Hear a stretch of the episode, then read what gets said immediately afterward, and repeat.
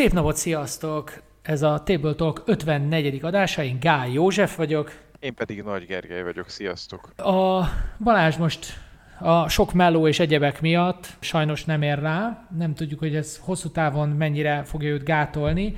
Minden esetre megkértem, illetve megkértük eh, Nagy Gergely kócot, hogy ugorjon be, meglátjuk, hogy mennyire ragad, meg mennyire értékelitek az ő tudását, az ő hangját. A hangodát azt többen szeretik, azt már, már konkrétan megkaptam, hogy milyen kellemes orgánumod van. Tényleg? Meglepő. Én amikor magamat hallgatom, akkor roppant mód irritál a saját hangom, de amennyire tudom, a legtöbb ember ezzel pont ugyanígy van. Egyébként igen, én is így meg kellett szoknom a saját hangomat, ez főleg ugye a vágáskor vicces, mert ugye én nekem az egész műsort végig kell hallgatnom újra, hogy megvágjam az adást, de már hozzászoktam így 54. adásra. Igen, gondolom ennyi idő után már. Ma a, majd a top 10 filler játékról beszélünk. Ez egy nagyon érdekes, hogy én is inkább azért a mid-heavy eurókat szeretem. Kóc, téged is úgy ismerlek, hogy te is inkább azért a hosszabb, nagyobb lélegzetvételű eurók rajongója vagy, és ez így mégis egy ilyen érdekes téma nálunk, hogy akkor vajon mi milyen filler játékokat szeretünk. Nekem valahogy teljesen természetesen hozzá tartozik a játék estéhez az, hogy egy nagyobb, hosszabb játék után nagyon szerencsés esetben kettő nagy játék után valami kis levezető játék is legyen. Egyébként... Már amikor persze ez belefér az időbe. Igen, vagy a kettő között esetleg egy kicsit, amíg az ember így picit így rendbe rakja az agyát az agy, két agyégetés között. Ami ebbe bele csapunk, te láttál-e új KS-t, vagy új bejelentést? Én egy KS-ről szeretnék mindenképpen szót ejteni, ami rögtön három játékot takar magában, és itt már talán sejted is, hogy miről van szó. A magyarul sajnos még mindig meg nem jelent Ares Projecthez jelentettek be három kiegészítőt, ami most március végén fog érkezni Kickstarterre. Hát a nevüket sajnos fejből nem tudom, de az egészen biztos, hogy lesz benne egy olyan kiegészítő, ami lehetővé teszi majd a, a, az akciólapok fejlesztését a játékban, ami egy nagyon izgalmas mechanika, illetve megjelennek majd a mérföldkövek és díjak, ami a Master formálásából ismert, és lesz 5-6 játékos mód is, tehát lesz egy ilyen jellegű kiegészítő is, illetve lesz egy a többiektől viszonylag független kiegészítő, ami kooperatív módot tesz majd lehetővé, és bár én nem vagyok a kooperatív játékoknak a nagy rajongója, amit ugyanezen adás egy későbbi szakaszában majd ti is meg fogtok kérdőjelezni, hogy így van-e, de ez egészen megragadta a figyelmemet, tehát úgy, úgy indul majd a játék, hogy minden globális jellemző ki van maxolva, és folyamatosan jönnek a krízisek, aminek hatására ezek a jellemzők elkezdenek leromlani, és nekünk az a célunk, hogy szinten tartsuk őket, illetve a játék végére visszatoljuk maximumra. Nem tudom, te hogy érzed, kell az Árésznak 5-6 játékos? Az, az talán ami a, a legkevésbé tűnik izgalmas. Én ugyanígy vagyok vele én is, tehát hogy, hogy értem a Mars miatt az ötöt, az, az, azt még értem, de hogy hat, hát nem tudom, igazából az ötöt is soknak tartom, lehetséges, hogy szükséges. Mint egy, mondjuk egy hét csoda is ugye hétfővel játszható, lehet, hogy hasznos lesz, meglátjuk. Ja, meg volt egy olyan is az egyik dobozban, de már nem tudom mi mivel van összerakva, hogy Joker ikonokat lehet szerezni, tehát a kártyán egy kérdőjel ikon van rajta, itt a, ilyet a Master of formálásában is láttunk már, viszont amikor a kártyát kiátszod, akkor kell eldöntened, hogy ez milyen ikon, és ilyen kis karton tokent kell rárakni a kártyára, és azt fogja jelezni, hogy ez a kártya milyen ikonnal rendelkezik. Nyilván itt sokkal inkább jellemző az, hogy a már lerakott lapjaid is fognak bónuszt adni arra az ikonra, mint a Masterra formálásában, úgyhogy kicsit könnyebb lesz választani és elmenni egy adott irányba fejlesztésekkel.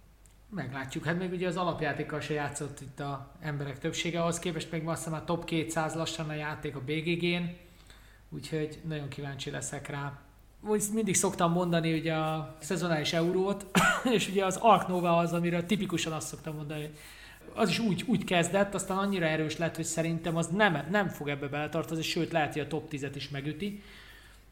Nagyon kíváncsi leszek.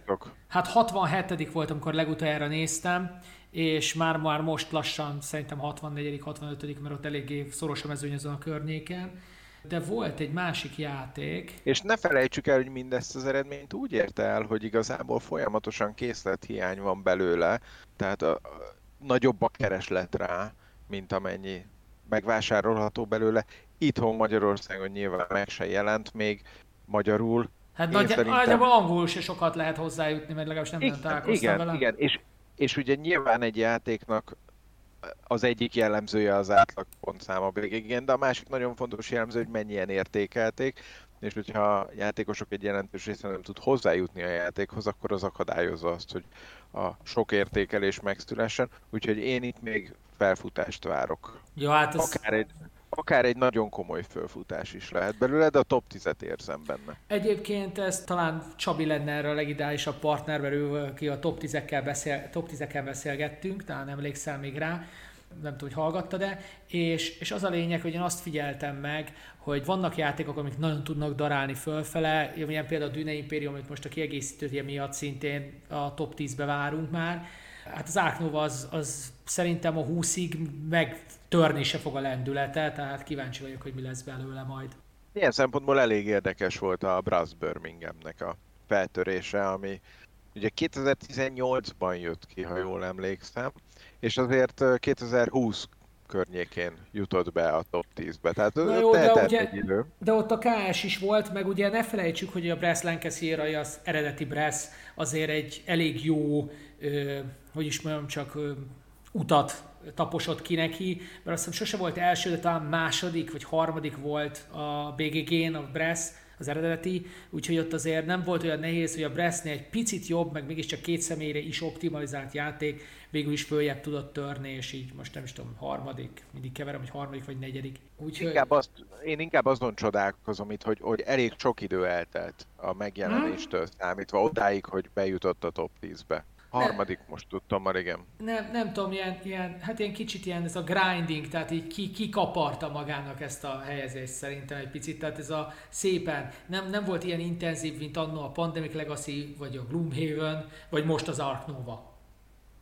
Tehát egy más Érdekesség, volt... hogy Érdekesség, hogy én a pandémia alatt próbáltam ki először ezt a játékot, méghozzá a Tabletop szimulátoron, ahonnan néhány hónap múlva konzekvensen az összes verziót kitiltották, persze kéz alatt azért hozzá lehet jutni még modhoz, de a műhelyben már nem fogsz találni. Ó. És nem, nem gondolom, hogy ez üzletileg egy okos lépés volt tőlük, mert én például egészen biztosan azért szereztem be a játékot, mert kipróbáltam a TTS-en és tetszett. Hát ugye pont előzőleg beszélgettünk erről Balázsjal az előző adásban, hogy igen, tehát ugye a modderek azok elég rendesen pakolgatják fel a TTS-re a dolgokat, de hát ugye itt a kiadó úgy döntött, hogy ne legyen ez fönt. Szerintem is ez egy rossz döntés, mert ez sok ember számára pozitívum, de hát akkor majd meglátjuk, hogy lesz ez valahogy, vagy valahol megjelenik, akkor jelenleg hivatalos TTS műhely verzió nincsen belőle. Amiről akartam még egy pár szót említeni, de csak azért, mert ez a legfrissebb, hogy tudjátok, hogy mikor vettük fel az adást. Ma jelentette be a Delta, Delta Vision, Vision, hogy a Golem is jön, mert most ugye a Delta az most valami brutális dömpinget hozott ránk, úgyhogy mindenféle tematikus eurók, amerik, minden is jön, úgyhogy most a gólemet jelentették be, ugye te beszéltél erről a játékról, hogy játszottál vele, jól néz ki, bár a borító nem az én stílusom, de ez a gólem feliratta nagyon jól néz ki, azt kell, hogy mondjam a magyar borító, amit így megmutattak. Meglátjuk, hogy mennyire lesz ez népszerű Magyarországon. Nagyon kíváncsi leszek egyébként, hogy azért ilyen típusú, ilyen heavy vagy mit heavy eurókat mennyire fog felhúzni a piac. Tehát felszívni, ezt akartam mondani. Van egy, ami nekem nem a szívem csücske az a játék, és pont együtt is játszottuk a duzzasztó mű, de én szerintem az eléggé, eléggé bejött. És meglepő módon ez a e, kicsit furcsa e, magyar fordított név is meghonosodott, tehát így hívja mindenki, nem barázsoznak az emberek, Igen, hanem ez igaz. használják a duzzasztó műt, de én, én amennyire látom, annak lett egy, egy elég komoly rajongótábora, és viszonylag széles körbe elterjedt, tehát azt gondolom, hogy az például üzletileg valószínűleg bevált. Hát figyelj, végül is hasonló közegnek hozzák a gólemet is, tehát valószínűleg itt is lesz felvevő piac. Ezt majd meglátjuk, amikor megérkezik. Viszont akkor beszéljünk egy picit könnyedebb témáról. Fillerek. Ugye beszélgettünk egy kicsit arról, hogy jó az így levezetésképpen, stb.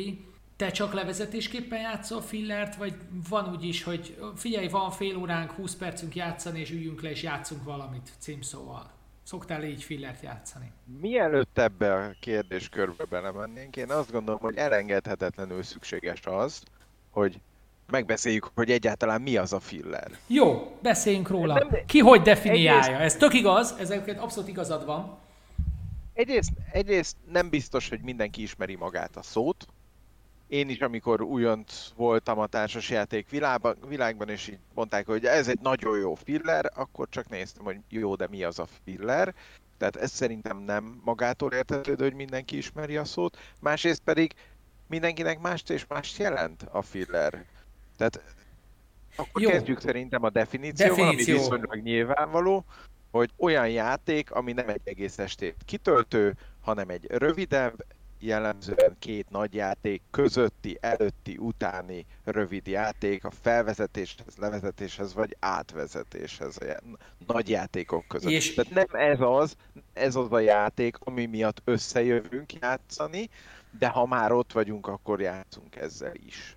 És ugye azért ugye a fill, mármint hogy, hogy így kitölt, vagy tölt, ez ugye innen ered a kifejezés, tehát ugye a két nagy játék közötti időt, vagy esetleg azt, amikor várunk még a befutó emberekre, mert ugye senki nem, általában nem egyszer érkeznek meg, addig még játszunk valami apróságot. Én egyébként úgy definiáltam a saját listámat, hogy BGG-n a 30 perces playtime-ot lőttem be, mint felső határt, és úgy érzésre is ezeket, amik a 30 percben beleférnek, azt raktam. Nem tudom, én ennél, én ennél kicsit megengedőbb voltam, én egy órás felső határt szabtam, viszont azt nagyon szigorúnak vettem azt az egy órás felső határt, nem annyira a BGG játék idejét, mint sem a saját logjaimat figyelembe véve, hogy átlagosan mennyi idő volt. Ahogy így végignézek a listán, talán egy olyan van, ami esetleg néha túl tud nyúlni az egy órán, és föl is írtam egyébként néhány olyan címet, amiket pontosan azért zártam ki, bár, bár én inkább fillernek érzem őket, mert azok, azok túl tudnak nyúlni az egy órán. Én, írt, én, én, én is írtam föl egy címet, ami nem fért fel a listára, és főleg azért, bár fillerként játszható, mert valójában 30 perc maximum egy menet, de ahogy én játszom, úgy nem az. Tehát, hogy nem fillerként játszom, mégis rövid a játék ideje. Tehát jellemzően olyanokat írtam föl, amik azért fillerek, mert, mert ténylegesen nem, je, je, ritkán játszom önállóan őket. Ez alól azért kivétel az főleg a lista eleje, a nagyobb kedvencek, amiket csak azért is, hogy legalább este egy picit játszunk, akkor azt szoktuk játszani. Meg van egy-két ilyen meglepetés vendég is a tételben, de valójában mind filler. Na és elütöttem a kezdeti kérdésedet azzal, hogy eltereltem hmm. a témát, de arra azért kanyarodjunk vissza egy kicsit, hogy és akkor vissza is dobnám rögtön, mielőtt én megválaszolnám, hogy, hogy te szoktál le úgy leülni társasjátékozni, hogy most csak egy fél órára ülök rá, és akkor egy filler kerül elő. Az a helyzet, hogy én az év elején, mondjuk azt, hogy ilyen újévi fogadalomként, meg azért, mert mégiscsak szeretném jobban elkötelezni magam a társasjáték szakma val való foglalkozás mellett, ami ugye ilyen cikkíróként, podcasterként, játéktesztelőként azért az alapvetően bennem van, plusz ugye a játékmesteri tevékenységem is időnként elővillan. Úgy voltam vele, hogy, hogy ezt valahogy azért mégiscsak meg kell adni a módját, hogy az ember azt mondhassa, hogy már pedig ő rengeteget játszik, és rólad is vettem példát, hogy ugye te is rengeteg játékkal játszol folyamatosan, ugye te voltál az, aki 2021-ben rengeteg játékot hozott, ugye elmondani, hogy mi minden jelent meg. Ezért úgy voltam vele, hogy megpróbálok minden nap játszani valamit. És amikor este fáradtal leülök, akkor úgy vagyok vele, hogy Zsuzsival a feleségemmel, akkor ez a játszunk valamit, és akkor ha más nem, hogyha nincs más agykapacitásunk, akkor egy filler játékot játszunk, vannak is jól bevált, eh, bevált receptjeink, hogy mit szoktunk játszani, Úgyhogy ez, én elsősorban a fillereket, ha önállóan játszom, akkor ezért játszom önállóan. Nálad? Ami, en, ami engem illet nekem, a játékalkalmaim azok általában olyanok, hogy itthonról el kell mennem. Ritkább esetben én hozzám jönnek vendégek, de mindenképpen komoly utazás van a sztoriban, tehát nem egy fél órás összejövetelről van szó. A családdal pedig nagyon-nagyon-nagyon ritkán játszom valamit, és igazából nyilván, hogyha velük játszok valamit, akkor az ilyen filler hosszúságú, de azt, azt én valahogy teljesen más kategóriába helyezem, a családi játék kategóriába, ami azért bizonyos tekintetben tud átfedésben lenni a fillerrel egy gamer számára, és egyébként itt, itt kikanyarodnék arra, hogy, hogy a filler maga az egy eléggé gamer fogalom. Tehát a, a családi játékosoknál szerintem nem nagyon van filler, hanem úgy, úgy egy, egy kategóriába esnek egy családi játékosnál a játékok. Én azt gondolom. Nem állítom, hogy ez igazából ezt a vitát, ezt egyszer lefuttattuk talán még Zolival, a konkrétan a Nottingham bírája témakörében, hogy ő berakta a parti játék közé, mert ő parti játéknak kinti, én meg nem raktam be, bár nagyon szeretem, mert én nem tartom parti játéknak, én családi játéknak élem inkább meg. Tehát ebben igazad van, hogy bizonyos játékformátumokat má, emberek máshogy élnek meg. Ugye ez nagyon sokféle megközelítésben lehet erről beszélni, ugye, hogy egy tematikus játék mennyire abstraktosodik le, hogy mennyire dobja el gyorsan a témát. Ez ugyanígy igaz, hogy valami egy játék számodra, de más számára, valaki számára ez egy filler, és az élmény is esetleg csak egy filler, míg egy más számára ez már nem azt mondja, hogy egész estés élmény, de egy komplet játékélmény. Igen. Igen, de egyértelműen a határok elmosódnak itt azért a, a kategóriák között, és van átjárás a családi és parti, illetve filler kategóriák között, ez viszonylag egyértelmű. Nagy, még talán egy picit a családi és a gamer között is van egy olyan határvonal, ami talán a, ennek a legeklatánsabb példája a Master formálásra, amit én alapvetően egy gamer játéknak érzek, de azzal nagyon-nagyon sokan tudják jól érezni magukat, olyanok is, akik nem annyira gémerek, tehát mondjuk olyan szempontból, hogy nem játszanak több százfajta játékkal.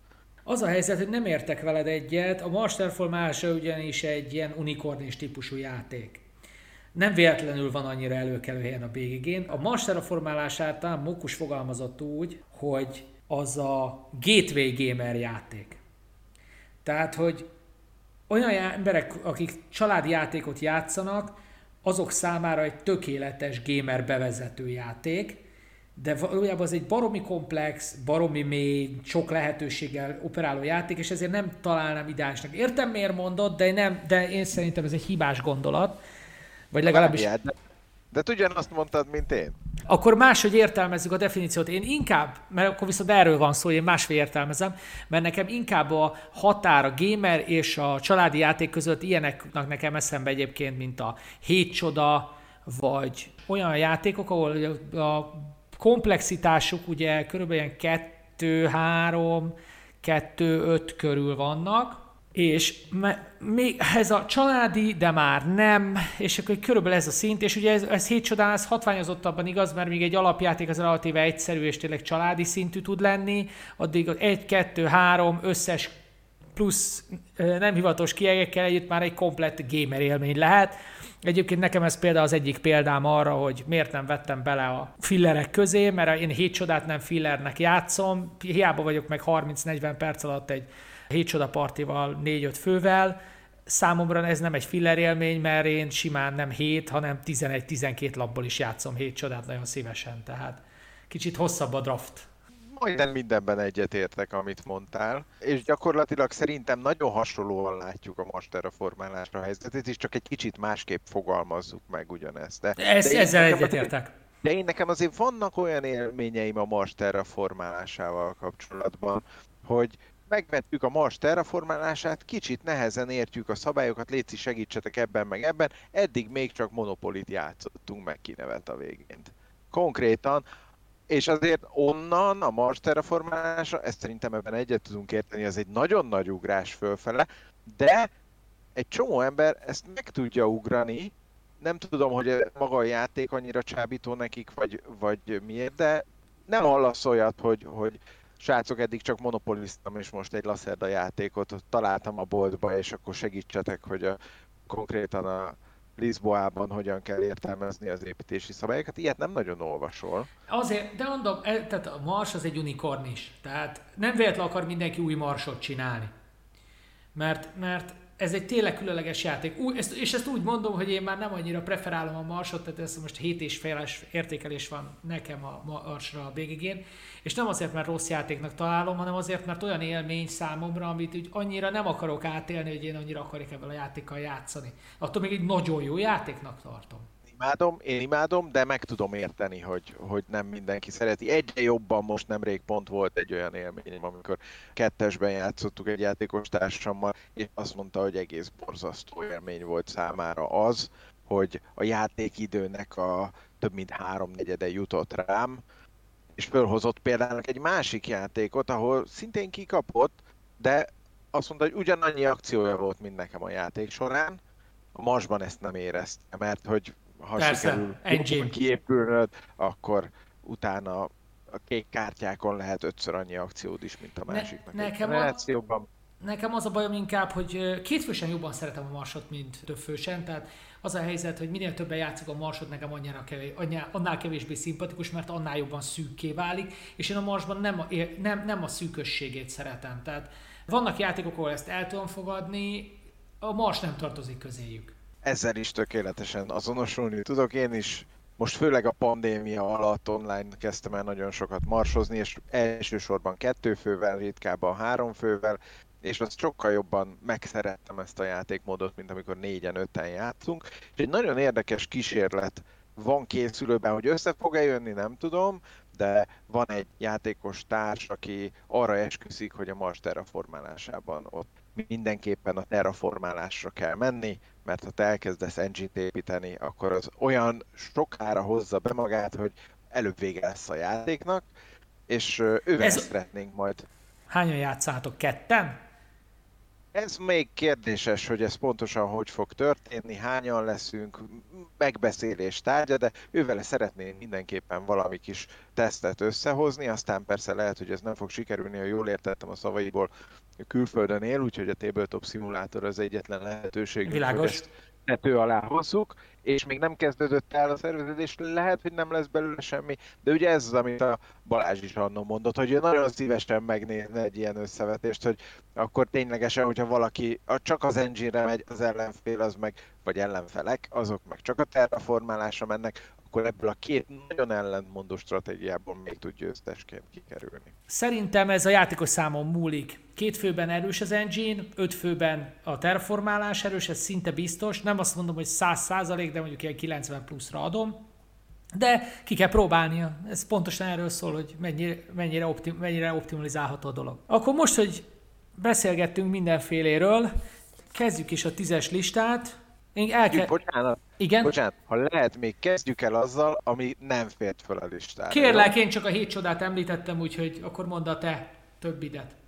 Én nekem van néhány címem fölírva, de mindenek előtt azzal szeretném kezdeni az egész okfejtésemet, hogy én azt vettem észre, amikor írogattam össze a listámat, hogy a filler játékokra nagyon-nagyon jellemzőek ezek a termékcsaládok. Tehát van egy csomó olyan játék, amiből készülnek az újabb és újabb verziók.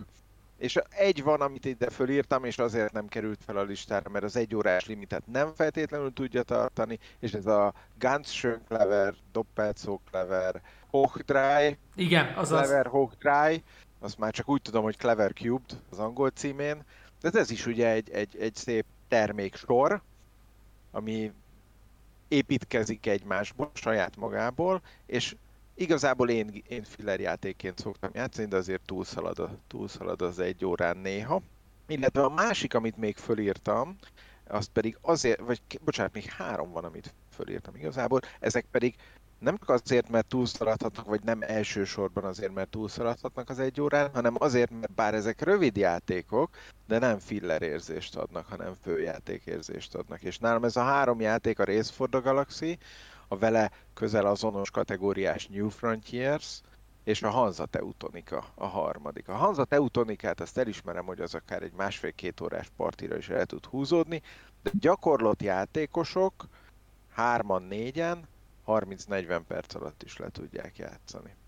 Az első egy érdekes gondolat, az valóban berakhatjuk a fillerek közé nekem eszembe nem jutott berakni, úgyhogy nem is szerepel a listámon, és valószínűleg hasonlókból, mint amiért neked, hogy ez, hogy neked ez ilyen komplex élmény ahhoz, hogy nem tekinted fillerként rá.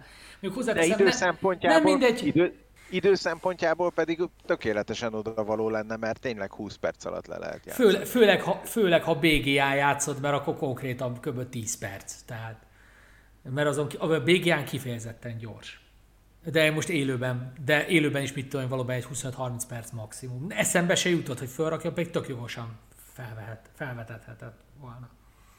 Igen, akkor ennyi lett volna a Honorable Mention kategóriám, amit még szerettem volna megemlíteni. Szerintem azért soroltam ezeket, mert szerintem ezek mind kiváló játékok. Talán a Guns Clever első része az, ami már kicsit kezd öregedni, meg ugye ott azért lehet ismerni egy nyerő stratégiát, amihez persze érdemes hozzátenni, hogy az úgy nyerő stratégia, hogy nem azt mondja meg, hogy pontosan hogyan játszál, hanem azt, hogy milyen célra kell törekedni amit aztán azért a játékban egyáltalán nem egyértelmű elérni. Az talán egy picit kilóg, de a többi azt szerintem mind-mind remek játékélményt ad. Akkor kezdem én az első versenyzővel. Ez 2013-ban jött ki, és 2016-ban kapott egy folytatást. A Yellow kiadó adta ki, illetve magyarul a Reflex Shop adta ki azt mind a két játékot. Ez pedig az Üdvözlet a mélyben, alias Welcome to the Dungeon, illetve Welcome Back to the Dungeon üdvözlet újra a mélyben.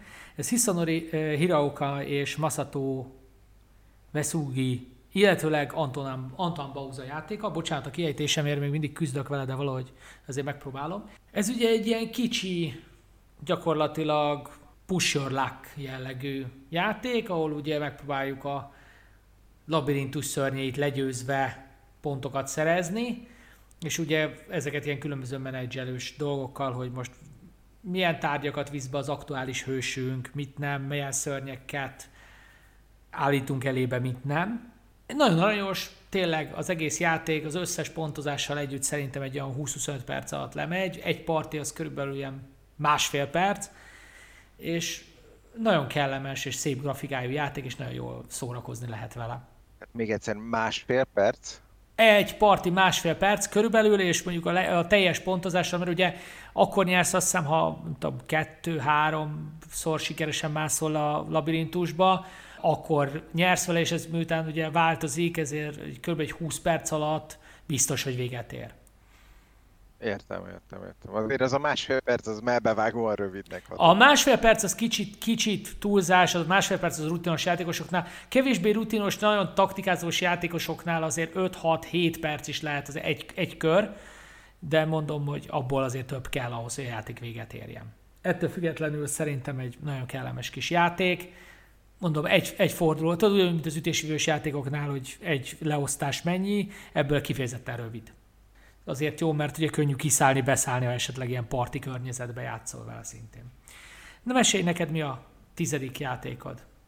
Én tizedik helyezettem, az Friedman Friese játéka, és Friedman Friese-nek van egy ilyen érdekes koncepciója, amit most már, ha jól tudom, négy játékban is alkalmazott. A család gyűjtőneve az, hogy Fast Forward, és arra épül, hogy ennek a játéknak nincsen szabálykönyve van egy pakli kártya, ragd le az asztal közepére, húzd föl az első lapot, és kezd el olvasni. Ami rajta van, nyilván van szabálykönyve, csak a kártyákon vannak rajta a szabályok, tehát így van egy kicsit elrejtve a szabálykönyv a játékban, de nagyon ügyesen tud működni, és olyan szempontból nagyon jól bevonja az embereket, hogy nem szabálymagyarázattal kezdődik a játék, hanem azzal kezdődik a játék, hogy na, akkor húzzuk fel az első kártyát. Oké. Okay. Abban le van írva az első kártyán, hogy mi a teendő, de csak a legalapabb dolog, amikor te jössz húzzá egy lapot. Kész. Megy egy kört, utána jön a következő szabálylap. Addig mindenki fölhúzott egy lapot, nem csinált semmit, és szépen folyamatosan jönnek be a szabályok a játékba, nem bonyolódik el túlságosan, tehát ilyen 10 körüli szabálylap van az egész pakliban körülbelül, és egy, egy nagyon-nagyon egyszerű kis, elsősorban szerencsére picit taktikára építő játék keveredik ki belőle, aminek az érdekessége az az, hogy a játékban hozott döntéseit, tehát ez sok ismételhető, egymásra épülő partiból áll, és a játékban hozott döntéseid szabják meg azt, hogy a következő partiban hogyan fog kinézni egyáltalán a pakli, amivel játszol. Én egy ilyen mini legacy játéknak szoktam nevezni, nem igazi legacy, mert semmit se kell benne eltérni, semmit se kell benne fölragasztani, bármikor elő, előről lehet kezdeni, tehát igazából kampányjáték, de egy menet az átlag 5-6 perc alatt lefut belőle, nagyon gyors, pörgős, nyilván a hátulütője a játéknak az az, hogy nem csak és kizárólag a döntéseit határozzák meg a sikeredet, hanem nagy, nagy részben az is, hogy milyen lapokat húzol. És akkor ez a fast forward, ugye? Vagy mi a... Ez a fast forward, ja bocsánat, nem mondtam el a játék nevét, ugye? Azt azért nem ártana. A fast forward sorozatból a Fortress az, ami az én kedvencem. Van egy másik, a Fear, ami még szerintem elég jó. Egy harmadik, a Fortuna, amit nem próbáltam. És van egy kooperatív verziója, a Flea, ami szerint, véleményem szerint borzalmas. Tehát ha csak valaki nem elkötelezett kooperatív rajongó, akkor azt kerüljétek. Igazából azzal az a legnagyobb baj, hogy ugyanezt az élményt hozta, csak egy parti az 30-40 perc volt az 5-6 helyet. Világos. Mi a kilencediked? Gondoltam, hogy felváltva nyomjuk, úgyhogy előbb megvárom a te kilencedikedet. Jó, legyen az én kilencedikem. Az én kilencedikem az Thomas Lehmannak a játéka, Jump Drive. Ez a Race for the Galaxy-nak a streamline-olt, leegyszerűsített verziója, ahol nagyjából tényleg annyiról szól a játék, hogy minden körben a kezedben lévő lapok közül kiválasztasz egyet vagy kettőt, azt kiátszod, és a többi kezedben lévő lap eldobásával tudod kifizetni, minden lap egy pénznek felel meg. Végtelenül le van egyszerűsítve a Race for the a, az alapmechanikája, minden kör végén a kijátszott lapjaid alapján kapsz győzelmi pontot, minden addig kijátszott lapod után kapsz győzelmi pontot, és aki elér be, előbb eléri az 50 pontot, az nyer. Egy ilyen nagyjából 15-20 perces játékra kell gondolni egy partnál. Sajnos egy picit nyelvfüggő, az angol ajkúak ezt óriási előnynek élik meg.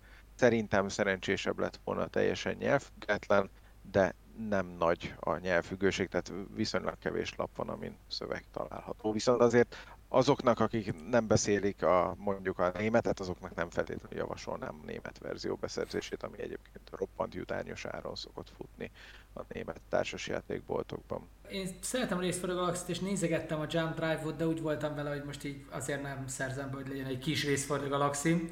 De szerintem jó, jó pufa játék, tehát effektíve nem játszottam vele, de örülök neki, hogy jött egy ilyen, mondjuk azt, hogy könnyebben emészthető változat. Ace for the galaxy talán a legnagyobb problémája az az, hogy nehezen tanítható. Igen, Ez igen. Megítélésem szerint. És a Jump Drive az ezt nagyon-nagyon jól tudja orvosolni. Tehát a Jump Drive az tényleg 10 perc alatt megtanul, megtanulható, és már talán első játékban nem, de második játékban már tökéletesen lehet játszani, úgyhogy győzelemre eséllyel. Az én kilencedikem a hullámhossz 2019-ből. Lehet vitatkozni, hogy parti játék-e inkább, de én ezt azért nem tekintem annak, mert szerintem ezt sokan nem jó játszani. Tehát ezt én inkább fillernek, mint a parti játéknak gondolnám. Ugye Alex Hogg, Justin Wilkins és Wolfgang Vars is bele dolgozott ebbe a játékba. Ezt a Game Club ugye adta ki magyarul, 2019-es. Hát ugye a játék arról szól, hogy van valami fogalom, amit meg kell határozni, hogy hideg vagy meleg, kedvenc példám ugye a szendvics, nem szendvics, és ugye van egy tárcsánk, ahol be van állítva egy állapot, és egy olyan fogalmat, szót, tárgyat, akármit kell mondani, amire a másik a csapat, vagy a másik játékos a, arra az értékre állítja be ezt a mérőkét, ahol, ahova én gondoltam, és ugye az alapján lehet pontot kapni. Nagyon hangulatos és nagyon vicces koncepciók jönnek ki belőle. Ugye a legklasszikusabb példa, hogy a hotdog az mennyire szendvics például, vagy mit a girosz, és ez így nagyon érdekes koncepció, nem tudom, te találkoztál-e már a játékkal. És ja, és igen, a table presence is nagyon jó, ez a, ez a tárcsás tekerentyű, ez nagyon jó. Igen, a tárcsás tekerentyűnek annak azért van egy hátulütője, hogy ott forgatni kellett állandóan nekünk, én is próbáltam már ezt a játékot, hogy, hogy rálásson mindenki arra, hogy akkor most hol is áll az a, a jelölő. Hát ezért gondolom, hogy nem annyira a parti játék inkább, hanem hogy ilyen 2, 4, 3, 4, 5 fővel Hattal esetleg. Igen, nálad akkor ezek szerint nálad a parti játéknak egy fontos jellemzője, hogy sokan játszák. Nem feltétlenül, de jellemzően azokat tekintem igen parti játéknak. De emlékeim szerint ezt kettő csapat játszott. Így van. Három fő hogy tudja játszani? Hát akkor, akkor így mondom, hogy négy fő, na, két, kettő plusz kettő, és akkor két-két fős csapat. Három plusz áfa. Így, Jó, így. Erre majdnem mondtam valami gonoszat, de lenyeltem. Hullámhoz. Érdekes játék, engem, engem nem ragadott annyival, annyira magával, de látok benne, látok benne egyedi ötletet mindenképpen. Igen. Na, megyek tovább a nyolcadikra. Ez egy roll and write, bocsánat, flip and write, ez pedig a kartográfusok. Az a helyzet, hogy Jordan Eden játékát én úgy, tehát az a helyzet, hogy én megvettem a második esélyt, még annó a kompajától, de a kartográfusok ugyanennek a játéknak adott egy témát is, és ezért muszáj voltam ezt előrébb helyezni, mert egyszerűen hangulatosabb. Ezt alapvetően nem vagyok annyira oda a poliomino játékokért, nagyon mértékkel szeretem őket, egy-két kivételtől eltekintve, de, de a kartográfusok az nagyon okosan oldja meg a Tetris rajzolgatást, ugye a poliomino berajzolgatást, és itt tök, egy nagyon kellemes hangulata van, nagyon okos pontozási rendszere van, és valami gyorsan befejezhető, tehát szerintem egy remek kis játék. Tényleg tipikusan ez a leülünk, játszogatunk egyet, és akkor meg is vagyunk vele. Akár két part is belefér, és akkor ez így pont jó két oldalára a papírnak. Igen, szerintem, szerintem a kartográfusok az egy, az egy roppant fontos cím. Tehát azt gondolom, hogy egy olyan helyet vívott ki magának az elmúlt években a társasjáték szénában, hogy ő az egyik legfontosabb gateway játékkel vált. Nagyon-nagyon sokan szeretik, nagyon kevesen nem szeretik, könnyen tanulható, kezdőknek ajánlható. Az egyik vagy az állandó gateway játék, legalábbis az én szememben az a Ticket to Ride, és ez a kartográfusok ez kezd fölzárkózni hozzá. Neked? Mi a nyolcadikat?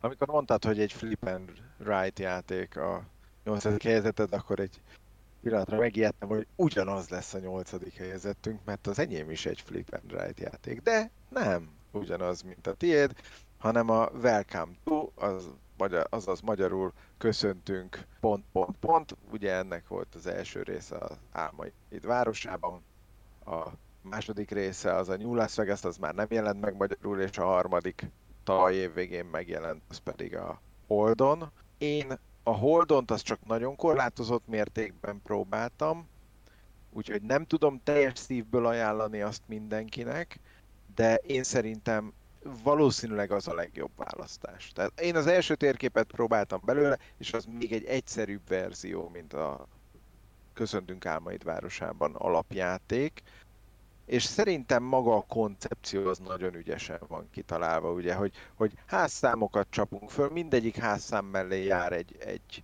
akció, és három utcán kell elosztanod ezeket a házszámokat, hogy úgy legyen a végén beszámozva az utca, hogy egy normális utcától elvárjuk, tehát hogy egy irányba növekednek a házszámok, nem össze-vissza vannak, és közben az akcióiddal tud extra pontokat szerezni. Ügyes, egyszerű, én nagyon szeretem. Beszélj a hetedikedről. Ezek szerint a Welcome to az nem a te szíved csücske, mert viszonylag gyorsan elütötted ezt a témát. Na, a jót vagy semmit hozzáállás, úgy érzem. Az lett túl rajtad. Pedig egyébként hasznos lehet, hogyha elmondod azt, hogy miért nem szereted a játékot, mert az én hetedikem az egy Wolfgang Vars játék, aki már szerepelt ezen a listán, igaz csak társszerzőként. Ez, ha jól tudom, teljesen a saját játéka, és ez egy gyorsasági játék. És a neve pedig az, hogy Blue Banana. Sejtettem, hogy fönn lesz nálad, mert neked ez nagyon tetszett. Nekem ez nagyon tetszett, a dobozra rá van írva, hogy 20 perces játékidő, de ez nettó hazugság, mert eddig minden egyes parti, amit lejátszottam vele 8 perces volt, talán egy vagy kettő kivételével, ami 9, tehát viszonylag kicsi a szórás időben, de egy gyorsasági játéknál ez végül is annyira nem meglepő. És ugye a játék arról szól, hogy van 8 darab tárgy, minden 8 darab tárgynak van egy jellemző színe, és a kártyákon soha nem a saját színében látjuk a tárgyakat, hanem mindig egy másik színben látjuk, és a kártya két oldala az úgy van összefüggésben, hogy az egyik színről, egyik oldalról veszed a tárgyat, a másik oldalról veszed a színt, akkor azok összepasszolnak. Tehát, hogyha mondjuk a békának, ami nem tárgy, hanem állat, tudom, annak a jellemző színe a zöld, a szamócának meg a jellemző színe a piros, akkor ők úgy fognak egy kártyára kerülni, hogy piros béka lesz az egyik oldalon, és zöld szamóca a másik oldalon.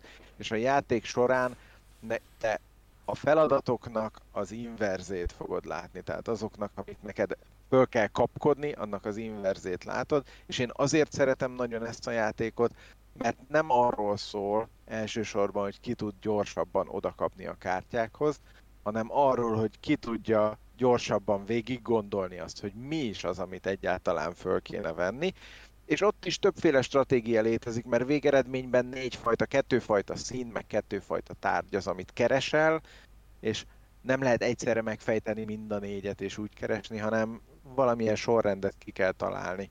És emiatt egészen kevés ebben a játékban az a szituáció, amikor egymás kezéből akarjuk kitépni a kártyát, és ez egy gyorsasági játéknál szerintem egy hatalmas előny. Az mindenképpen igaz. Én kevés gyorsasági játékot játszottam, de ez valóban, ez egy, ez egy lényegi kérdést tud válni, egy, főleg egy Avocado Smash esetében például. Az a helyzet, hogy azért nem beszéltem a nyolcadik helyezettedről, mert nekem a hetedik helyezettem a Welcome to. Gondoltam, megvárom, amíg hozzám ér a kör, és akkor majd beszélek róla. Úgyhogy én is nagyon, nagyon szeret. Nagyon, nagyon challenge. Nagyon szeretem én is. Filóztam, hogy melyik lesz a hetedik, melyik a nyolcadik. Végül a kartográfusok lett a nyolcadik, és a Welcome to lett a hetedik.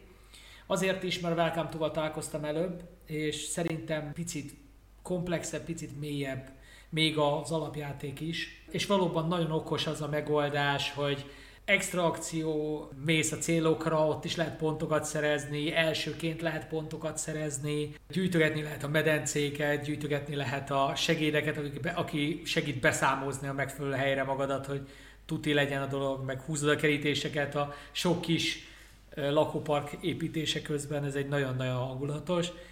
Még nem is annyira bonyolult, tehát kezdőknek is meg lehet mutatni. Tehát én ezért szeretem kifejezetten, úgyhogy Úgyhogy az a helyzet, hogy a jót oldalra vagyok a welcome to, illetve a köszöntünk témakörében ugye Benoit Turpin játéka 2018-ból. Akkor ha már visszakanyarodtunk ez a játékhoz, és én mondtam, hogy talán én szerintem a Welcome to the Moon lesz az, ami a legjobban lesz javasolható, azzal a fenntartással, hogy ugye én azt csak nagyon-nagyon kis részben próbáltam. Itt még annyit tegyünk hozzá, hogy abban a játékban 8 darab különféle térkép van.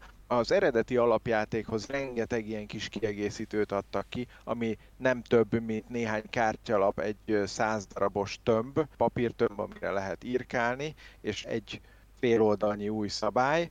Ilyenből jelent meg tavasz, nyár, Halloween, Doomsday, és mindenféle, igen és még nem tudom mi minden. Szerintem ezt a koncepciót a Welcome to the Moon-nál eleve beleépítették a játékba. Tehát ott, ott valahogy, és ugye itt, itt ezek mindig valami újat adnak hozzá, ott pedig úgy működik, hogy ugyanazokkal a kártyákkal csinálod a játékot, de a rajta lévő akció ikonhoz más valós akció tartozik az egyes térképeken. Uh-huh, ez nagyon okos megoldás.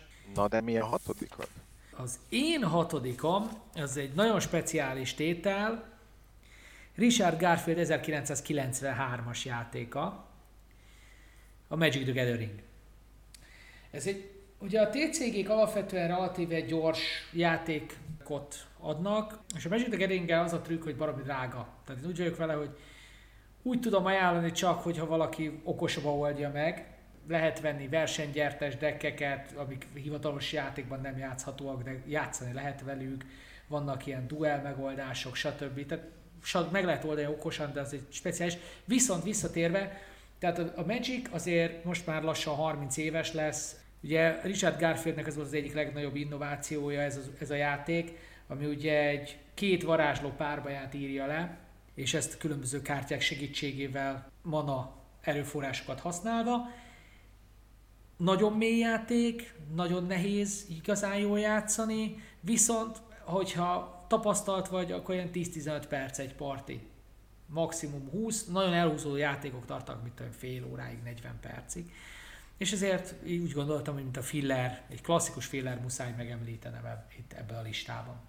Ez nagyon sok hozzáfűzni való van. Egyrészt a Magic the Gathering az kétségen kívül kétséget kizáróan egy korszakalkotó játék, tehát rengeteg olyan játék van, ami, sőt, gyakorlatilag majdnem minden ilyen gyűjtögetős kártyajáték, az, az valahol erre épít. Így van, így van. Vala, valamilyen szinten. A magyar megfelelőire is gondolhatunk, ami például most viszonylag friss, az ősök hajnala, vagy ugye a már elég komoly múltra visszatekintő... Hatalomkártyái eh, például, igen. Hatalomkártyái, igen. Vagy volt egy űr próbálkozás is, ami aztán utána nem lett túl hosszú életű, a Chaos Galactica kártyajáték. Volt még, Na volt de, még egy pár, így van. Na de két dolgot fűznék hozzá. Az egyik az az, hogy én ezt nem elfelejtettem elmondani az elején, de nálam a másik kizárók a fillernél, az a, az, hogyha kizárólag ketten játszható. És bár a Magic the Gatheringre vannak szabályok, hogy azt hogyan lehet többen játszani, mint ketten. Én magam is játszottam többen, mint ketten, de azért az alapvetően egy kétfős játék. Így van. Én például i- ilyen megfontolások miatt kihagytam konkrétan egy játékot erről a listáról, mert úgy érzem, hogy, hogy nagyon leszűkíti a felhasználhatóságát egy játéknak, ha az csak két fővel játszható. Meg én mondjuk magam a, a sokfős játékot szeretem. Ez egyébként egy teljesen jogos megközelítés valóban. Én ettől függetlenül muszáj voltam egy top 10 filler listát ba belerakni a Magic-et, mert valamilyen módon bele, bele akartam rakni a ha más nem, akkor úgy véve, hogy a gyűjtögetős kártyajátékok, vagy az LCG-k egyik ikonikus darabját. Teljesen egyetértek, meg hát miért kéne nekünk mindenben tökéletesen egyet. Hajaj! Na mesélj a hatodikadról. Az én hatodik helyezettem az szintén egy termékcsalád, és ugye, hogyha jól figyeltünk, akkor igazából a Fast Forward az első, az egy termékcsalád volt, a Jump Drive az a Race for the Galaxy családnak a része, a Welcome to szintén több játék, tehát ideig igazából csak a Blue Banana volt, az, ami nem... Legalább amikor nekem jut ilyenem, akkor nem kell magyarázkodnom. ez, ez nagyon jellemző erre, erre a, a Zsánerre. Hogy mondják ezt? Igen, mi annak a magyar neve? Műfajra. Műfajra. Nagyon jellemző erre a műfajra, hogy, hogy itt, hogyha van egy jó ötlet, és tessék, van egy, né- van egy cím, amit nem raktam fel a listára, bocsánat, hogy így elkalandozok, a Novaluna, amit én nagyon szeretek, a listára éppen nem fért fel, de a Nova Luna is ugye egy családot alapított, hiszen ott van a Sagani, meg most kijött a Framework, ami egyébként ráadásul a Sagani az még viszonylag jól eltér, a, a Nova Lunától a Framework az már egészen kevéssé tér el tőle. Na de, visszakanyarodva, mi ez a termékcsalád? Talán a, a legismertebb, legnépszerűbb termékcsalád a, ebben a kategóriában, és nálam ez még egyértel, egyértelműen a filler kategóriába besorolható, ez pedig az azul. Ez a hatodik helyezettem? Ez az én hatodik helyezettem az azul. Jó kis csempészés. Csempézés. Lehet, igen, igen, szándékosan rontottam el. Lehet törni a csempészteket. Üvegezés. Nem is tudom, pavilonépítés az, az, az ott már egy picit erőltetett a, a tájloknak, meg a, a tematikának a kapcsolata, illetve a, a végén a Queen's Garden, ugye a negyedik rész, az meg már nem is nagyon tudom, hogy, hogy egy kertet építünk gyakorlatilag, hogy azt miért csempékből építjük, a fene se tudja, lehet, hogy növényekből észszerűbb lenne. Tudom, vannak növények azokon a csempéken. Na minden esetre nálam ebből a négyből, mert azért én egyet mindenképpen szeretnék megjelölni, hogy ez az a játék, amire én gondolok, bár alapvetően mindegyik játék szerintem tök jó, az az első rész. Mert az első rész volt az, ami újszerű volt, és átütő siker volt, és a többi rész az pedig a, a de jó, így is lehet az az út csinálni, és így is jó. Tehát azok, azok már csak a tovább gondolások, ezért én mindenképpen az első részt tudom javasolni, és az első rész számomra mind a mai napig őrzi a csábító mi volt, tehát bármikor szívesen leülök vele játszani. Én nem annyira szeretem az azult, de el kell fogadnom az innovatív és főleg a jó komponens, komponens minőségű csemke darabkák. Kétségtelenül a játék egyik komoly vonzereje az, hogy ezeket nagyon szeretik fogdosni az emberek. Hát nem véletlenül, hogy társasjátékok ünnepén is mindig foglalt az az asztal, ahol az óriás azullal lehet játszani, és a nem tudom, 5x5 centis csembe darabkákat lehet pakolgatni. Megértem, én speciál kevésbé szeretem, de, de valóban egy, egy jó játéknak tartom. Én jövök az ötödik helyezettem. Mesélj! Ez kivételesen most egy termékcsaládnak az első tagja lesz. Ez pedig a igen kellemes ízesítésű Mintworks. Ami ugye arról nevezetes, hogy ez egy borzalmasan picike kis játék, terjedelmére nézve. Az eredeti kiadás az egy 2 cm magas kis fémdobozban van, és nagyjából olyan 4x7 cm a doboznak a másik két dimenziója, és ebbe belefér egy teljes worker placement játék, nyilván a komplexitásában nem tud egy nagy dobozos worker placement játékhoz felnőni, de amikor kérdezted, hogy van-e olyan, hogy én csak leülök fillerezni, na ez az a játék, amivel sokszor leültem úgy, hogy játszunk egy mint works volt egy nagyon kedves kollégám, és akkor ővel a kávészünetben egy 15 perc alatt mindig lejátszottunk egy-egy partit. És ami az egészen megdöbbentő volt benne, az az, hogy a parti eltartott 10-15 percig, és utána 5 percig még elemeztünk. Hogy kinek mit kellett volna másképp csinálni ahhoz, hogy ne ez legyen a parti kimenetele, ami lett. És nyilván benne van a szerencsefaktor is, de nem olyan vészes mértékben, úgyhogy én ezt nagyon tudom javasolni, akik, akik szeretik az ilyen gondolkodtató, de azért viszonylag egyszerű kis worker placement játékot. Ugye azért mondtam, hogy ez egy termék családnak a része, mert ennek megjelent két további része, a Mint Delivery, ami pick up and delivery játékot tud ugyanekkora méretben produkálni, illetve a Mint Cooperation, vagy Mint Cooperative, nem tudom pontosan annak mi volt a Mint Cooperative volt, úgy emlékszem. A Delivery az megvan nekem, az sajnos nem hozta a hozzáfűzött reményeimet, tehát az, azt nem tudott olyan jó játékélményt adni. A kooperációst azt nem is próbáltam, tehát arról nem tudok nyilatkozni. Pedig színében az a legszebb. Azt tudod, hogy csak 5 éves ez a játék, 2017-es. Én nagyjából 2017-ben kezdtem el úgy jelentősebben elmélyedni a társas játékok világában, úgyhogy ez nekem tök réginek számít. ja, hát így persze. Jó, hát az a helyzet, hogy vért izzadtunk először, hogy hozzunk egy crossovert, de azért az ötödik helyre csak összehoztuk, szóval nekem is ötödik a Mintworks. Justin Blaskének a játéka. Az a helyzet, hogy én először nál, a te kezeid között láttam ezt a játékot, amikor megmutattad a Gugongot, akkor előttem egy kis Mintworks-ot játszottatok még a klubban, de aztán végül Mókus mutatta meg nekem, úgyhogy játszottam is vele, és rögtön megtetszett, mert egy ilyen kicsi, gyors, worker placement játék, Régen nem szerettem a worker placementeket, most már szeretem a worker placement játékokat, és nagyon megtetszett ez a játék, úgyhogy be is szereztem. Ugyan még nem sokat játszottunk vele, de nagyon szeretem, mert nagyon kellemes, így van, könnyed, gyorsan, aki 7 pontot szerez, az nyer, ennyi, és meglepően gyorsan véget ér, de hát ugye egy ilyen játéknál általában az ember nem is lepődik annyira meg rajta. Hogy most akkor engine-t építsek, vagy már direkt a pontokra menjek, stb. stb. Nagyon okos játék milyen megdöbbentő a maga nemében, hogy, hogy a 10-15 perces játék alatt ténylegesen engine-t tudsz építeni. Így van, így van.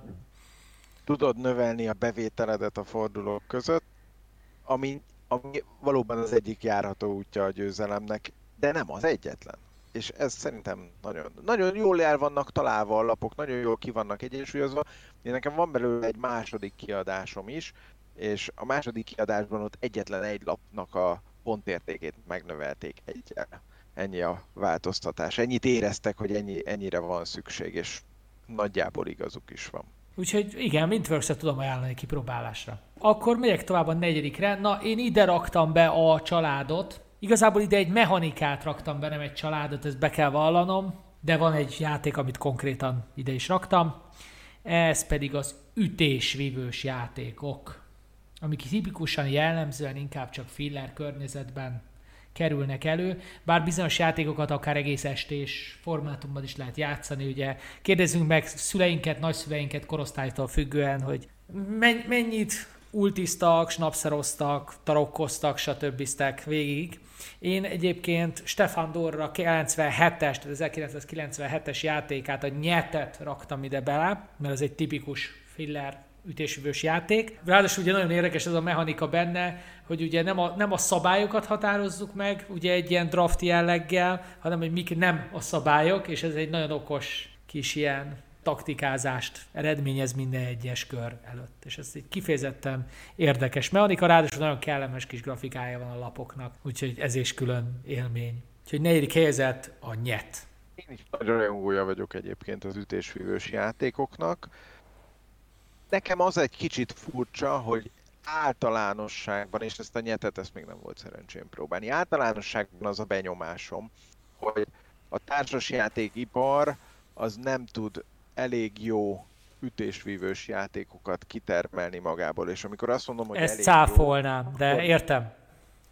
Akkor arra gondolok, hogy vannak a klasszikus ütésvívős játékok, teszem azt, hogy Schnapser, Ulti, eh, Bridge, Riki, ha ilyenekre gondolunk, akkor azért egy-kettő ebből a legtöbb embernek megvan, vagy hát közös kedvencünk a tarok, és nagyon kevés olyan társasjáték ott láttam, ami ütésvívésre épül, és meg tudja ugrani, meg tudja haladni ezeket. Megugrani még oké, okay. megugrani a stintet azt végül is nem olyan nagyon nehéz, mert egy picit másfajta szabályokból ugyanilyen jellegű játékokat egész könnyű összerakni.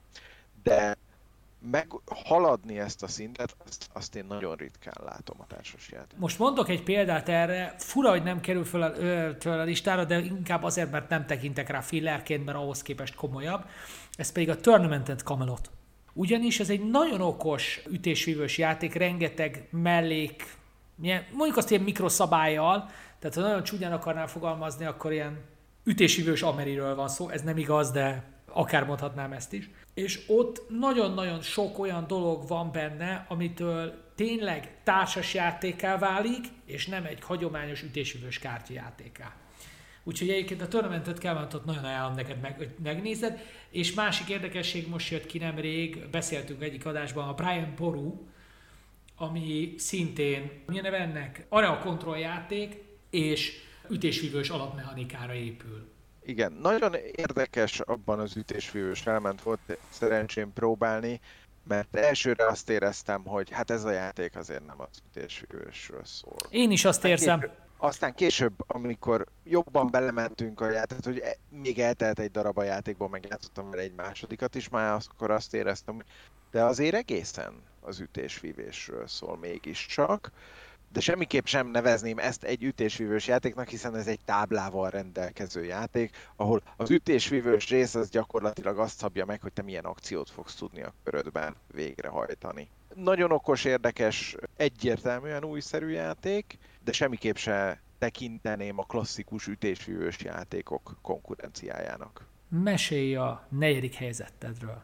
Az én negyedik helyezettem az mindenki kapaszkodjon meg egy játékcsalád első elemele. Igen, ez az! Mondtam, hogy ezek itt, ezek itt jönnek, tehát nem lehet kikerülni őket. Előbb a saját szövegemet mondjam el, vagy a tiédet. A tiéd az az, hogy ezt a játékot egészen szeretted addig, ameddig meg nem értetted a matematikáját, és onnantól kezdve kicsit kevésbé vált izgalmassá számodra. Azt mondom, hogy minden már tudod, Century. Ez a Century fűszerút, én számomra a fűszerutat a második és harmadik részt nem tudta fölülmúlni.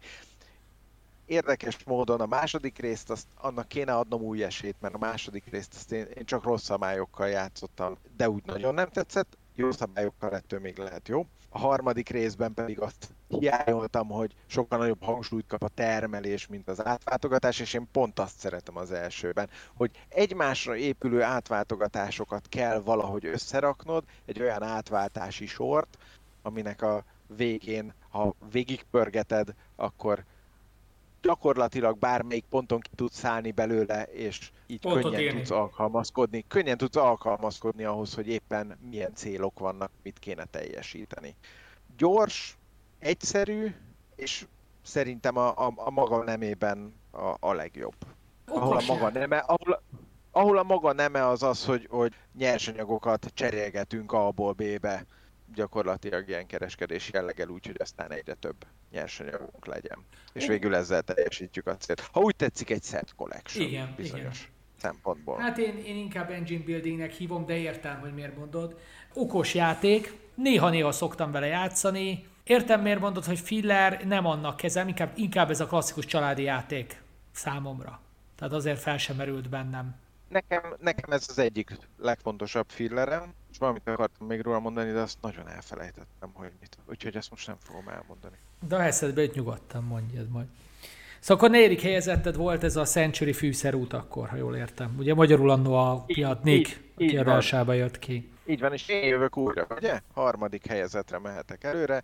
Hát erről szerintem nem fogunk nagyon hosszasan beszélgetni, mert ez egy újabb crossover lesz, ez ugyanis a te nyolcadik helyezetteddel azonos, ez a kartográfusok. kartográfusok. Uh-huh.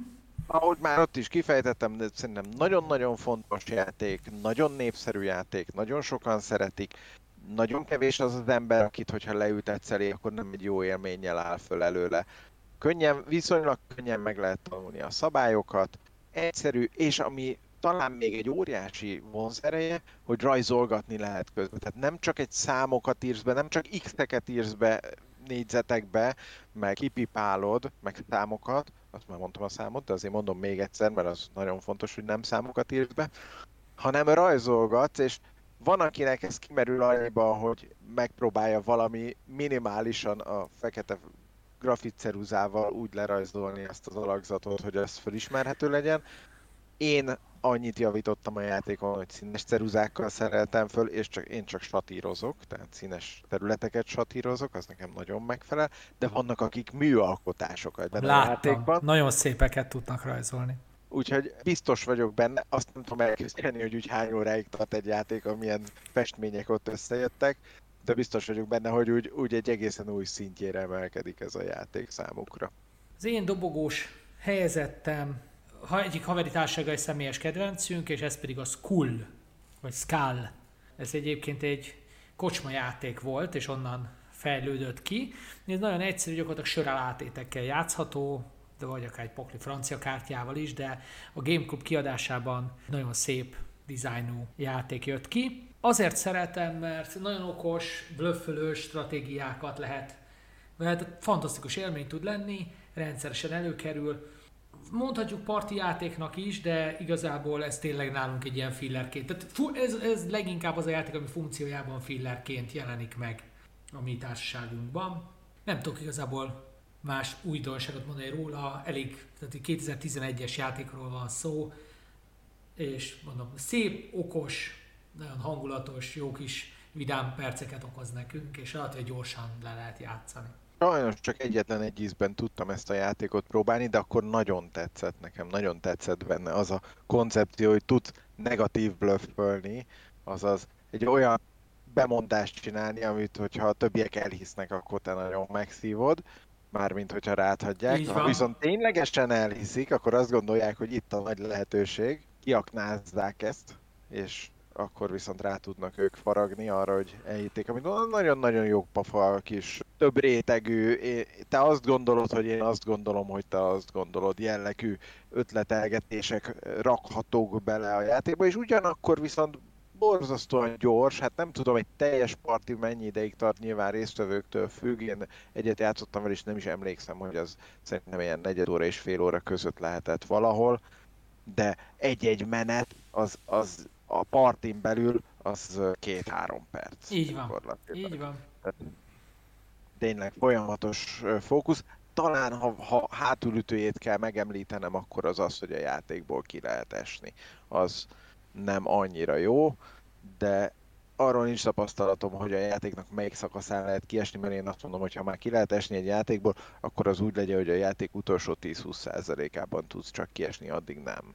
Hát arányaiban ez változó, tehát volt már sokkal hamarabb kiesés, tehát mit tudom én, kb. az első, mondjuk ilyen 40%-nál volt, hogy játékos kiesett, legutóbbi játékban például ilyen 35-40%-nál esett ki, de az azért volt, mert hárman játszottunk, és utána ketten maradtunk, és ott volt egy elég komoly mert hogy elég agresszív stratégiával játszott az egyik játékos, ami ha bejött volna neki, akkor villámgyorsan megnyeri a játékot, mert ez a high risk, high reward igen, típus igen, játék igen. volt, úgyhogy ő ez, ezúttal elbukta, úgyhogy, de annyira nem bántam, mert nem tartott sokáig. Egyébként közvetlenül előtte meg kettő partiból megnyerte a játékot, tehát játszottunk kettőt, kétszer nyert, nyert, kész, ennyi volt. Tehát, hogy akkor Aha. meg bejött neki. Úgyhogy ebből valóban jellemzően azért, amikor már kiesnek a játékosok, akkor azért már nincs sok vissza a játékból. Nem azt mondom, hogy 10-20 százalék, de maximum 30.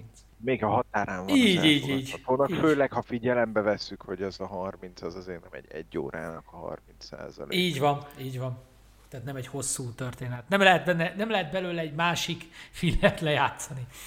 Úgyhogy tovább még a második helyzetemre, ami szintén 1997-es és szintén Stefan Dorra. Egyik, egyik nagy kedvencem, ami most már csak a második, mert találtam nála kedvencebb fillert, ez pedig az Eladlak. Biztos voltam, biztos voltam benne, hogy ez ott lesz valahol a lista elején, és igazából én nekem ez azért nincs rajta a listán, mert én ezt a játékot csak egyszer próbáltam, és az is tíz évvel ezelőtt volt, úgyhogy nem emlékszem rá elég jól ahhoz, én... hogy véleményt tudjak mondani. Imádom a grafikáját, nagyon szeretem a játékot, egy nagyon okos kis licitálós játék, semmi extra, semmi különlegesség, de egy nagyon okos, licitálós, ingatlanvásárlós, utána ingatlan a visszalicitálós játék, én nagyon szeretem. Úgyhogy mindenkinek tudom ajánlani. Három-négy fővel kevésbé szeretem, inkább 5-6 fővel, de egyébként egy tipikus filler élmény, tehát 15-20 perc. És hát akinek ennyi nem volt elég az elatlakból, az hallgassa vissza az eddig 53 részt, amiből 48-ban szerepel ez a játék.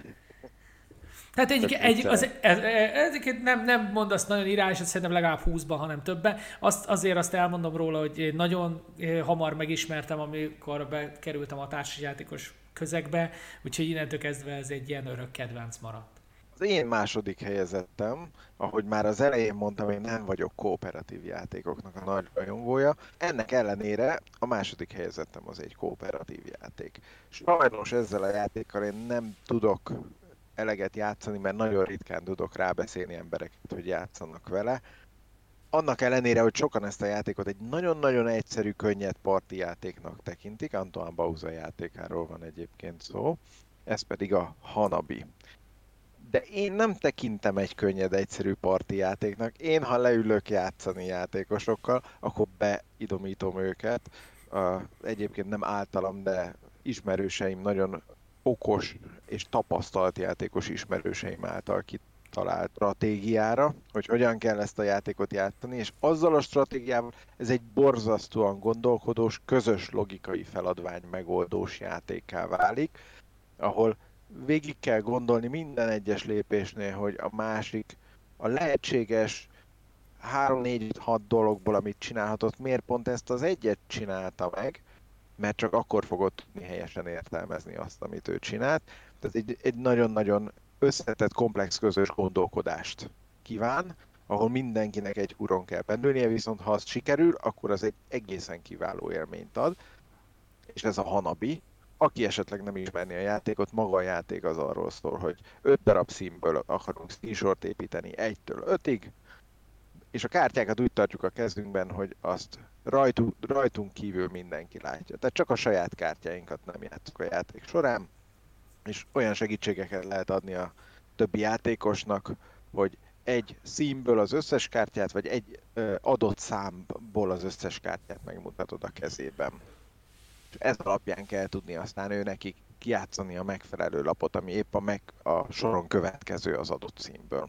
Egy, egyébként egyetértek, ezt a játékot csak úgy szabad játszani. Nekem valójában szintén az a problémám vele, hogy nem játszottam igazán ilyen közegben, pedig szerintem csak így van értelme, de én annyira nem is vagyok oda érte, lehet, hogy ezért egyébként.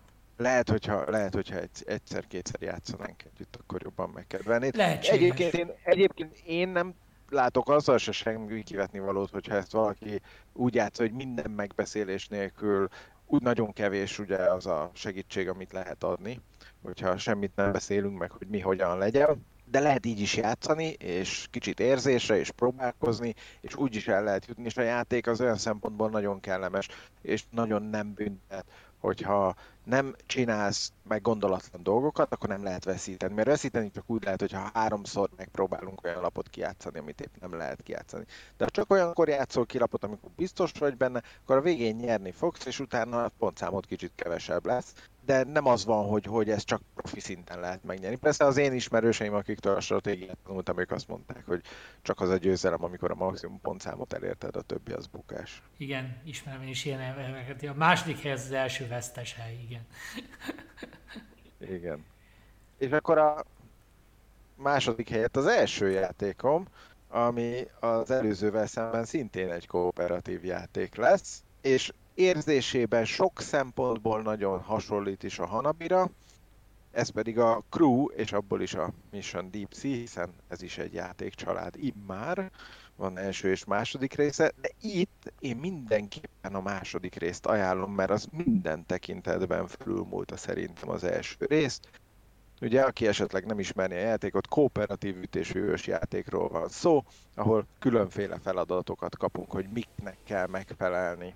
És az az első részben még csak annyi, hogy vidd el ezt, meg azt, meg a azt alapot, a második részben ennél lényegesen összetettebb feladatok vannak, tehát van mondjuk olyan feladat, hogy ebből a két színből pontosan egy-egy darab legyen az ütéseiben a parti végén, vagy pontosan egy darab alut üssél el a játék végéig, vagy legyen kettő ütésed a játék végén, de azok egymást követően legyenek megszerezve. Nagyon-nagyon sokrétű feladatot raktak bele, nagyon érdekesen tudnak ezek kombinálódni egymással, néha ütik egymást, néha segítik egymást, és én ezt a játékot karácsonyra kaptam meg, azóta egy bő 200 partin van benne, és nagyon nem érzem azt, hogy kijátszottam volna a játékot, mert minden egyes alkalommal, amikor leülök hozzá, azáltal, hogy a, nem tudom, egy jó nagy stót feladat van benne, szerintem olyan 60-80 közötti kártya, ebből csapunk föl 2, 3, 4, 5 ezek annyira változatos kombinációt tudnak adni, hogy nem érzem, hogy egy hamar elfogyna a játék varázsa és újdonsága számomra. Az a helyzet a crewval, hogy én avval, ebben vagyok abban a problémában, hogy te a Hanabival vagy, hogy nincs egy jó barátságom, akivel ezt játszanám. Nekem csak a sima van meg, tehát az eredeti, de nagyon szívesen játszanék nagyon nagy mennyiségű crewt egy jó playgrouppal. Úgyhogy azért nekem hát ezen nincs is, ezeken nincs is rajta listámon pont ezért egyébként, mert ezt is inkább úgy tekinteném, hogy ez egy egész estés élmény, és akkor végig játszunk egy este alatt 40, 50, 60, 80 partit. Igen, az azért egy, ez azért egy izmosabb este. Legalábbis nekem az a tapasztalatom, hogy azért 10 perc parti átlag az ki szokott jönni. Na, az, az akkor sok, akkor az, azt hittem, ez rövidebb, de akkor igen, akkor mit egy 20-30-at, na. De említsük meg, hogy van a játéknak egy kampánymódja gyakorlatilag. Így van, az, ala- így van. az első kiadásban 50 küldetés van. Egyébként az is elég változatos. Van. Igen, igen, ott is azért vannak berakva okosságok, a második kiadásban ott 32 küldetés van, és akkor azt végigjátszhatod úgy, hogy minél kevesebb leosztásból csináld végig az egészet, úgyhogy mindegyiket egyszer meg kell csinálni sikeresen. De nyilván ez nem is egy egész estés, inkább egy egész napos elfoglaltság igen, szerintem, igen. hogyha ennek így valaki neki akar állni. Így, így. Na de, mi a te első helyezetted? Az én első helyezettem, az egy érdekes sztori. A Delta Vision 2017-ben kiadta ezt a játékot, de lehet, hogy a Delta 2018-ban, de lényeg ez egy 2017-es játék, ami kijött, és így nem nagyon érdekelt, mert a fura címe volt. Aztán úgy voltam, mert azt hittem gyerekjáték, vagy valamilyen könnyedebb. Aztán ezt a játékot jelölték Spiel des Jahresre, azt Kennerre ráadásul, és nem, de figyelj, ez a játék engem érdekel, ráadásul a Climbers-be is így egyre jobban följebb kezdett mászni, és hú, ez tök jó, meg kombóépítés, meg ezért, meg kevés lap, meg stb. És passzus, ez a játék kijött magyarul. Ez a játék a Fantasy Realms, magyarul mesebeli birodalmak néve jött ki, úgyhogy Próbálok mutogatni neked itt egy papírt, fölírtam. Így van. A nevét. Így van. És az a helyzet, hogy, és eltaláltad kóc valóban, és az a helyzet, hogy ez a játék, ez azóta rendszeresen a Figyelj, van 20 percünk játszani, mit játszunk? Ezt. Jó, oké, megbeszéltük, és borzasztó mennyiségű partit raktunk bele. 318 pont most azt hiszem a rekordom, 316 vagy 318 van, hát fejből nem tudom és zseniális, zseniális. A saját kiegészítő még nincs meg, de azt is be fogom szerezni hozzá. Tehát ugye az van, hogy hét lapból meg kell csinálnod a lehető legtöbb pontot, rengeteg kombinációs lehetőség van, szett gyűjtögetéstől kezdve az eltérő lapokig, ezt kombózod azzal, ezt felturbózod, ezért sort építesz, rengeteg minden variáció fantasztikus. És egy aranyos grafikája is van, nem túl különleges, de szerintem barom jó. Hát a három, ja, akkor most már meg tudom állapítani, mert megnéztem az én általam lekönyvelt játékokat, hogy a 318 az jó pontszámnak hangzik, mert én nekem 263 volt a, a legjobb. én nem játszottam vele sokat. Számomra az volt ebben a játékban nagyon meglepő, amikor először belefutottam.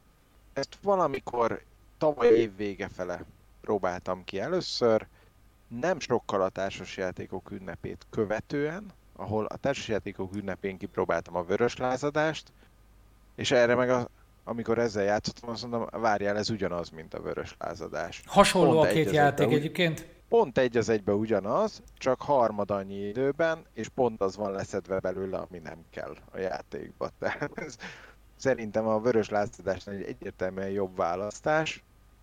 Nyilván azért a játékban nagyon erősen benne van a szerencse, de hogyha egy játék 15 meg 20 percig tart, és én itt látom a logjaimban, hogy a két partim, amit játszottam vele 19, illetve 20 percig tartott, tehát pontosan ez a kategória, ott nem zavaró annyira, hogyha beleszól a szerencse is. Mert megpróbálod, eldöntöd, hogy mennyi kockázatot válasz, és bejön vagy nem, ott a következő parti, nem igaz? Így van. Nekem is így nagyon van. tetszett ez a játék én abszolút tudom ajánlani mindenkinek, nekem a kedvenc fillerem most, tehát ez, kérdés, ez, volt az, ez volt az első, hogy biztos, hogy ez lesz az első helyzet, meg az, hogy az állatnak a második, a többi az, ami még kicsit bizonytalan volt. De én nagyon szeretem, nekem egy nagy élmény. Kíváncsi vagyok, hogy a hallgatóinknak mi a kedvenc fillerük, úgyhogy én ezt kérdezem a hallgatóktól, hogy mi a kedvenc fillerük, és még egyszer köszönöm, hogy itt voltál, Kóc, remélem, hogy találkozunk még párszor, aztán meglátjuk a jövőben, hogyan leszünk, miként lesz. Köszönöm, hogy itt láttam, és hát erősen remélem, remélem, hogy nem utálnak ki a hallgatók, és akkor jöhetek még. Köszönjük szépen, hogy meghallgatotok. Sziasztok! Sziasztok!